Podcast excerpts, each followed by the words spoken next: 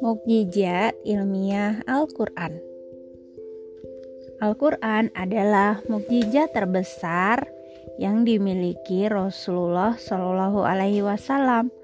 Al-Quran telah menjadi sumber rujukan bagi ilmu pengetahuan modern.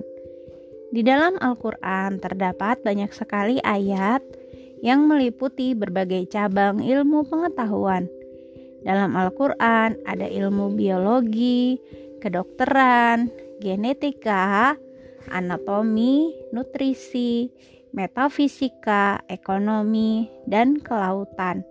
Di dalamnya juga ada ilmu komunikasi, agronomi, geologi, arkeologi, geologi. Ini mau de geologi, arkeologi, geografi, hingga astronomi. Semua semua ada di dalam Al-Qur'an. Pada masa lampau, ilmu-ilmu itu masih belum terungkap dengan baik. Saat ini, banyak ilmu dalam Al-Quran yang telah dibuktikan kebenarannya. Contohnya, tentang penciptaan besi. Dalam Al-Quran ada sebuah surat yang dinamai Surat Al-Hadid atau besi. Besi merupakan logam yang bermanfaat bagi manusia. Namun, unsur besi tidak terbentuk di bumi. Ia dibawa oleh meteor-meteor melalui ledakan bintang-bintang di luar angkasa. Kemudian, besi-besi itu dikirimkan ke bumi. Tentang hal itu terdapat dalam surat Al-Hadid ayat 25. Ada juga fakta tentang penciptaan makhluk berpasang-pasangan. Bukan hanya manusia yang diciptakan berpasangan oleh Allah Subhanahu wa taala.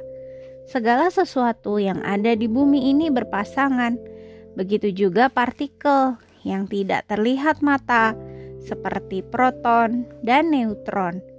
Dalam Al-Quran juga diungkapkan penciptaan manusia dalam tiga tahap Surat Az-Zumar ayat 6 mengungkapkan tiga tahapan itu. Tahap pertama ialah tahap preembrionik atau nutfah. Pada tahap ini, sel telur dibuahi oleh sel sperma lalu membentuk zigot. Zigot tumbuh membesar melalui pembelahan sel. Setelah itu, ada tahapan embrionik atau alakoh pada tahap ini, organ dan sistem tubuh bayi mulai terbentuk. Tahap yang ketiga yaitu tahap fetus atau mudagah.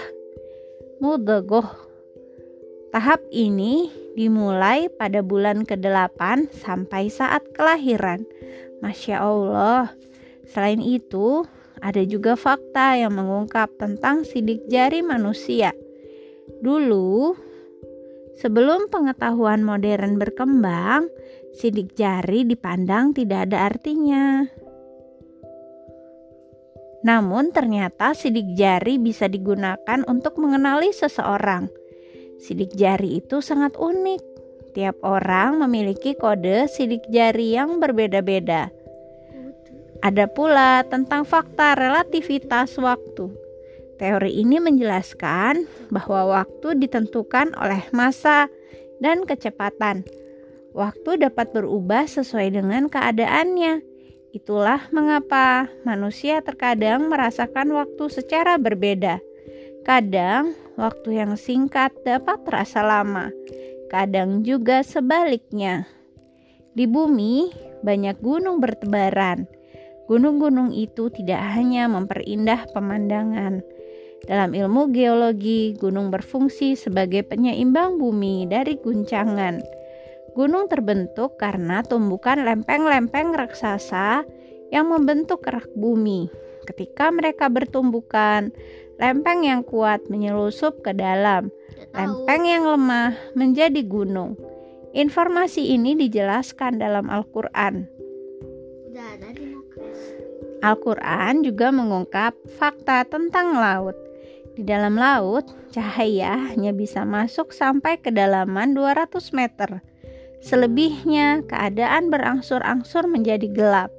Bahkan pada kedalaman seribu meter di bawah permukaan laut, keadaannya sangat gelap gulita.